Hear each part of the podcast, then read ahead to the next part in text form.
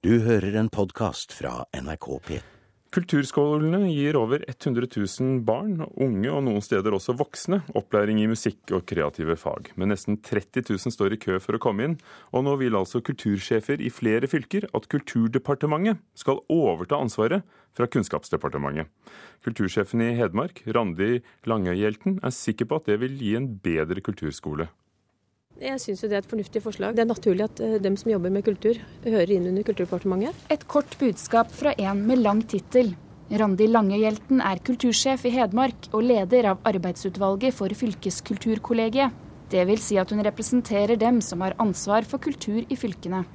I går samlet landets fylkeskultursjefer seg i Oslo for å diskutere hva de ønsker seg av regjeringen framover i det nye Kulturløftet. Øst-Agder, vi har Øst-Agder, vi har Randi som er sjefen for oss. For Anne Enger la mandag fram evalueringen av regjeringens satsing så langt. Kjære alle sammen. Det er med glede og en viss spenning jeg i dag skal legge fram Kulturutredningen 2014. Og konkluderte med at kulturskolene har vært blant taperne. For å få mer sving over undervisningen mener Enger at Kulturdepartementet bør ta over ansvaret. Langøyhjelten sier de fleste fylkeskultursjefene mener det samme. Det er jo på en måte noe som har vært diskutert eh, gjennom flere år, så jeg er veldig fornøyd med forslaget i utredninga på akkurat det. Kulturskolen er ikke et hovedfokus i Kunnskapsdepartementet. Det vil jo lett drukne i det at eh, skole har ansvar for skole, eh, og kulturskolen blir en liten del av det ansvaret de har.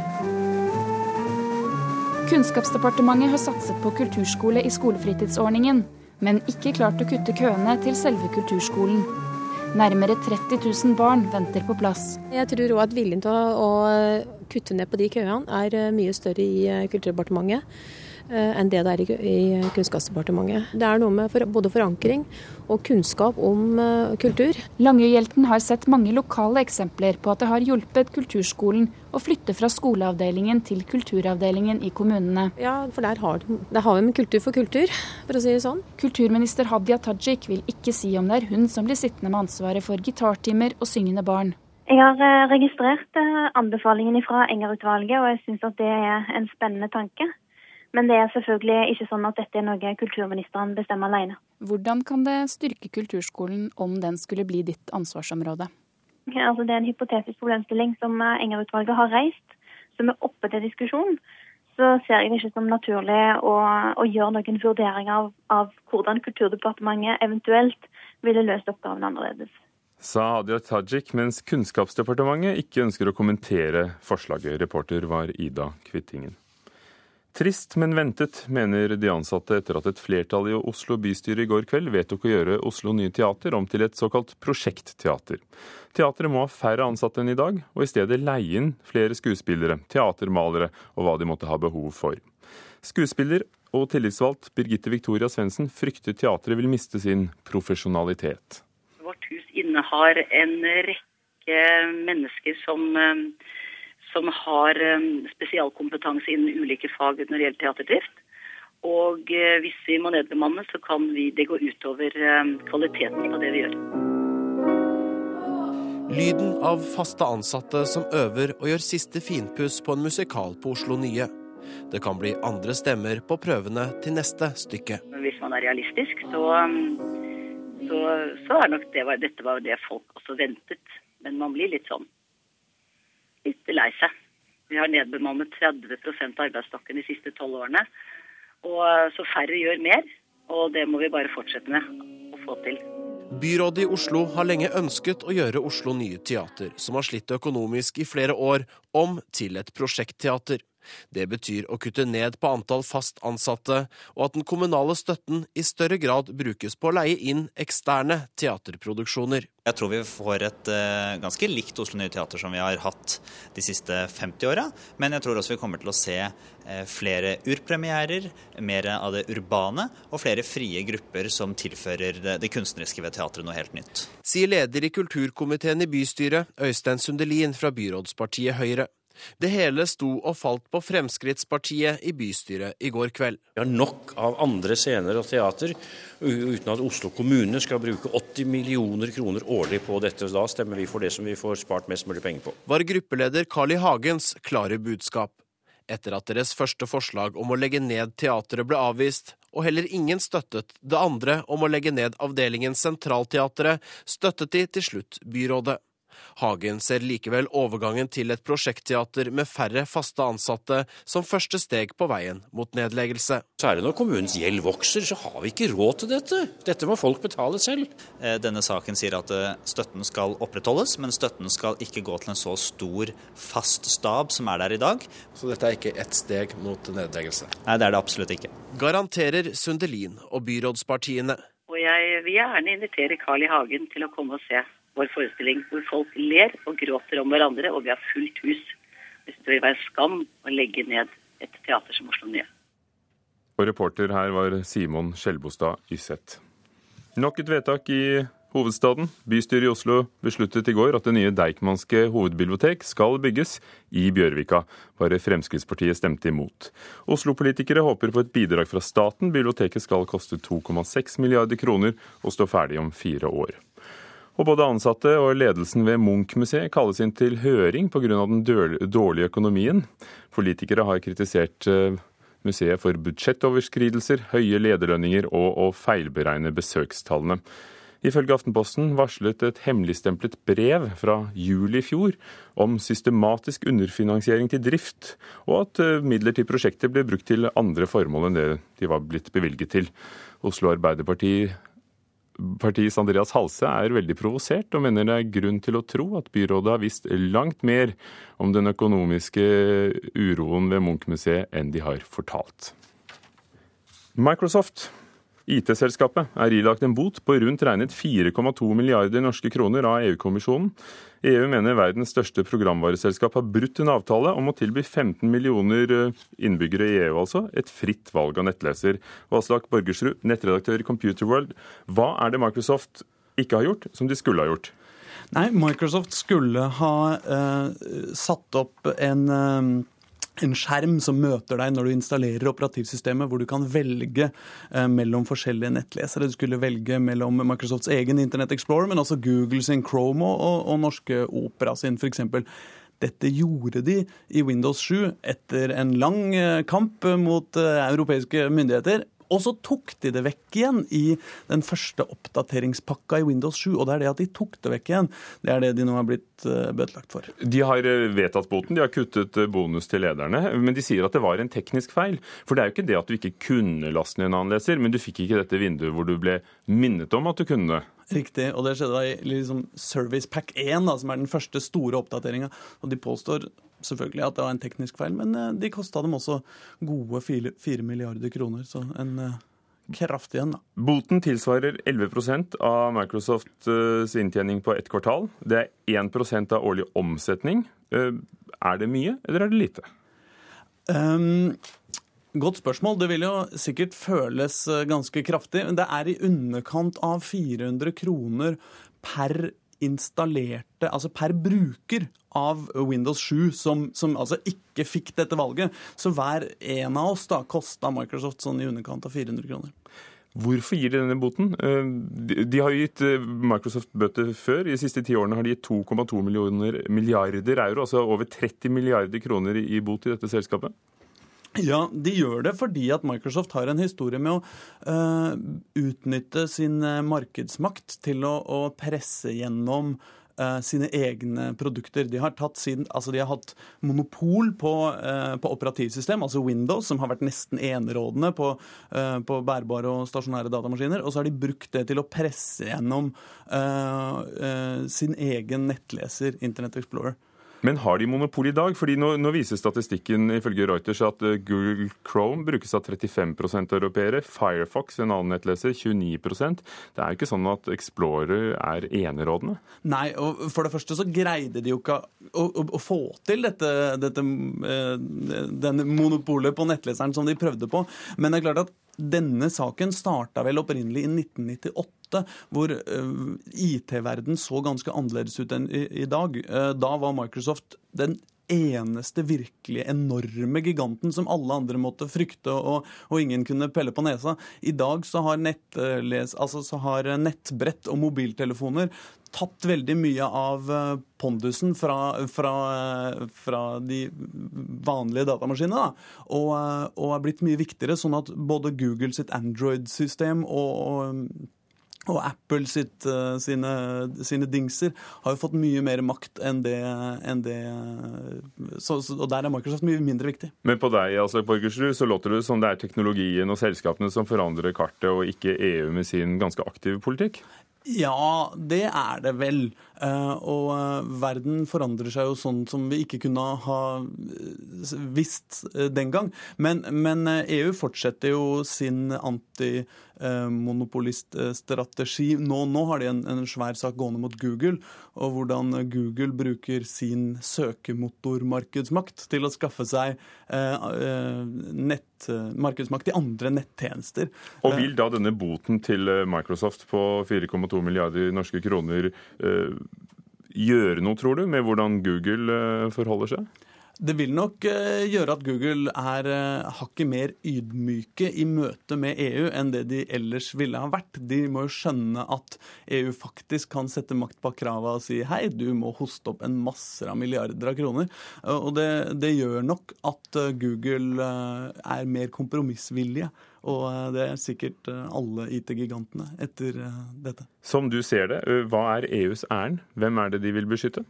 Nei, Det er et godt spørsmål. Da, da Norge, holdt jeg på å si, norske forbrukermyndigheter var jo i en kamp mot Apple for en stund siden om, om hvordan de lot folk kjøpe musikk i iTunes. Og da var det jo forbrukernes sak som, som ble kjempa, og forbrukernes sak som, som tvang Apple i kne.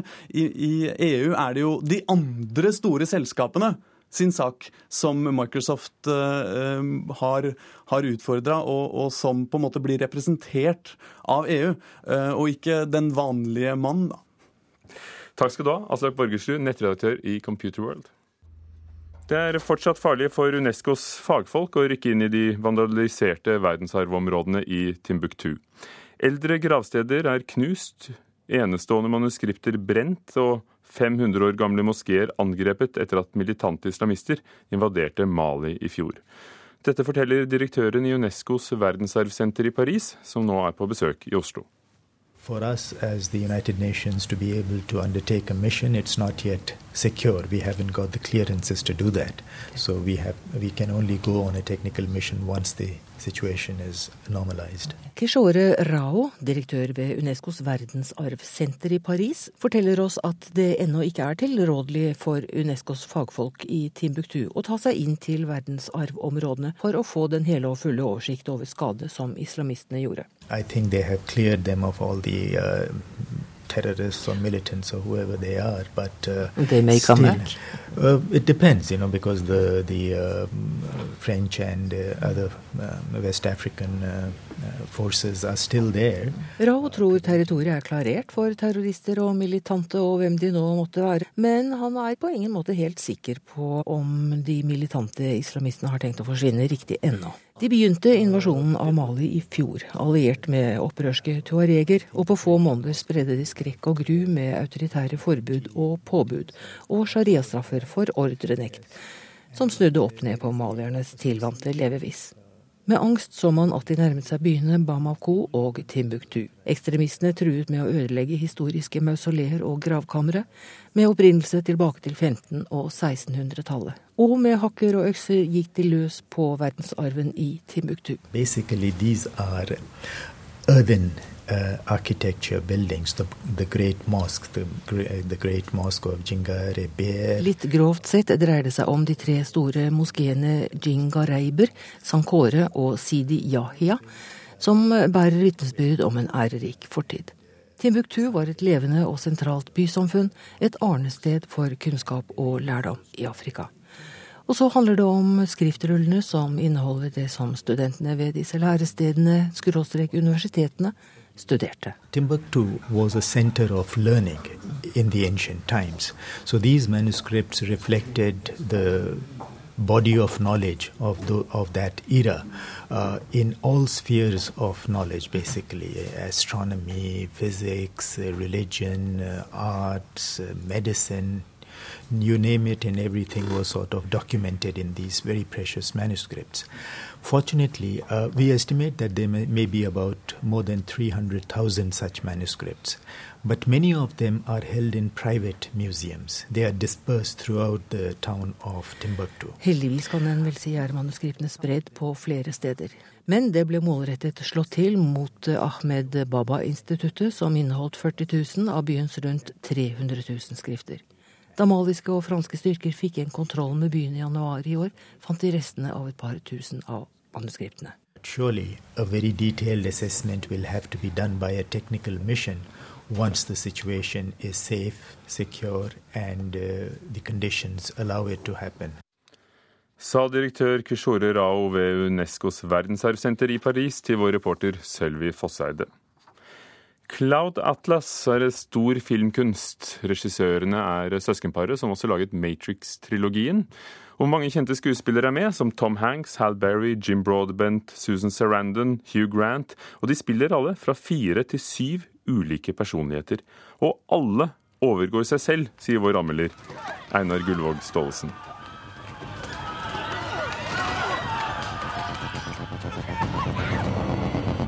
Cloud Atlas er en svær sak. Den er lang, den er en kjempeinvestering. Produksjonen med alle dens medarbeidere minner om et mellomstort industriforetak.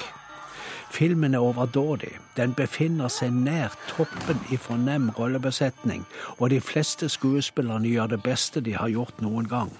Keep her warning with you. Nail it to your memory. Cloud Atlas er en rar sak. Filmen et eventyr og et mareritt. I fabels form kommenterer den nåtiden, trekker linjer til fortiden og ser inn i fremtiden. Det omfatter ikke riktig alt fra himmel til jord, men det er sterke referanser nedenfra. Det finnes et helvete i filmens teologi. But you have a choice. You can remain here and risk being discovered.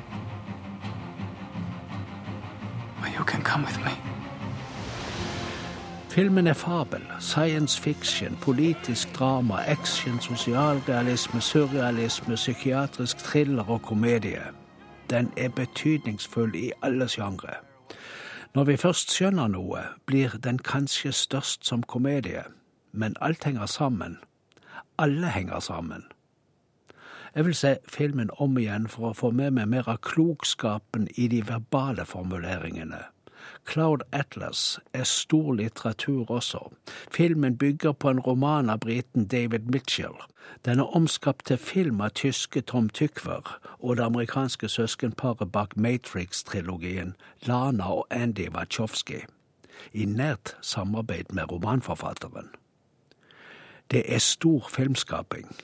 Tar man lett på dette skaperverket, blir det kjedelig. 50,000 pounds or 2,000, 50,000. I can go through it again, Mr. Cavendish, but the total's right. 2,343 pounds and 16 pence. How is this possible? The ruddy money was pouring in. Debts mostly, Mr. Cavendish. Solvency has its drawbacks. Filmen er eksklusiv. Den bruker koder kinopublikum ikke er vant til. Den holder et krevende abstraksjonsnivå. Den forventer at vi er der med vidåpne sanser. Cloud Atlas kan vanskelig forklares, jeg vet ikke om den fullt ut kan forstås heller, men den kan oppleves. Vi ser en mosaikk av temaer fra et samfunn nær vårt, satt inn i en videre og varig utvikling. Ut av det hele kommer mangfoldige bilder av slaveri. Det er slaveri slik det artet seg, det er moderne former for slaveri nå, og det er slaveri i fremtiden, i fremtiden beskriver filmen arbeids- og matstasjoner betjent av robotiserte asiatiske ungjenter. De sover i celler og styres på full tid av klaver med elektroniske impulser. Og de er til behag for øyet. Filmen foregår over noen hundre år, og tersklene mellom de ulike århundrene oppleves stadig lavere. Det kan være at filmen vil vise oss at personer gjenfødes til stadig nye tider og under stadig nye forutsetninger. Cloud Atlas kan bety flyktig kart. Get them to video it for us, would you? Now fuck off! I'm not joking, Denham. Cloud Atlas kan bety flyktig kart. Filmen er ikke fortøyd. Den er utfordrende, frastøtende, glimrende. Einar Gullvåg Staalesen, mer Mørkets opplevelser klokken 19 som vanlig. I Kongsvinger har 27 kvinner rundt 40 år gått sammen og dannet et trommekorps for å skape mer liv på 17. mai. Og Drum Ladies får allerede mange oppdrag. Følg med! De lærer sluttet orden. Troppen! Rett! Nesten 30 damer i 40-årsalderen står oppstilt med trommer i et klasserom i Kongsvinger. Stikker opp! Drum Ladies kaller de seg, dametrommekorpset som starta i august i fjor. Jeg har eh, barn som har sluttet å gå i tog, og så syns jeg 17. mai ble litt trist. Og så syns jeg 17. mai-toget i Kongsvinger kanskje ble litt eh, Ikke stusslig, men at det, er, eh, at det er lange partier uten musikk. Og så syns jeg denne byen fortjener et tog hvor man hører musikk hele veien i toget. Sier Vibeke Bergsjø Aas, som fikk ideen med å tromme sammen korpset. Det var bare å spørre folk hei, har du lyst til å være med i trommekorps for damer. Og så sa de bare ja. Og så bare spredte ordet seg, og så plutselig var det så mange at vi måtte si stopp. Stikker opp! Nå har 27 damer på 40 pluss minus blitt med i trommekorpset. Dere går på to og fire. Stopp.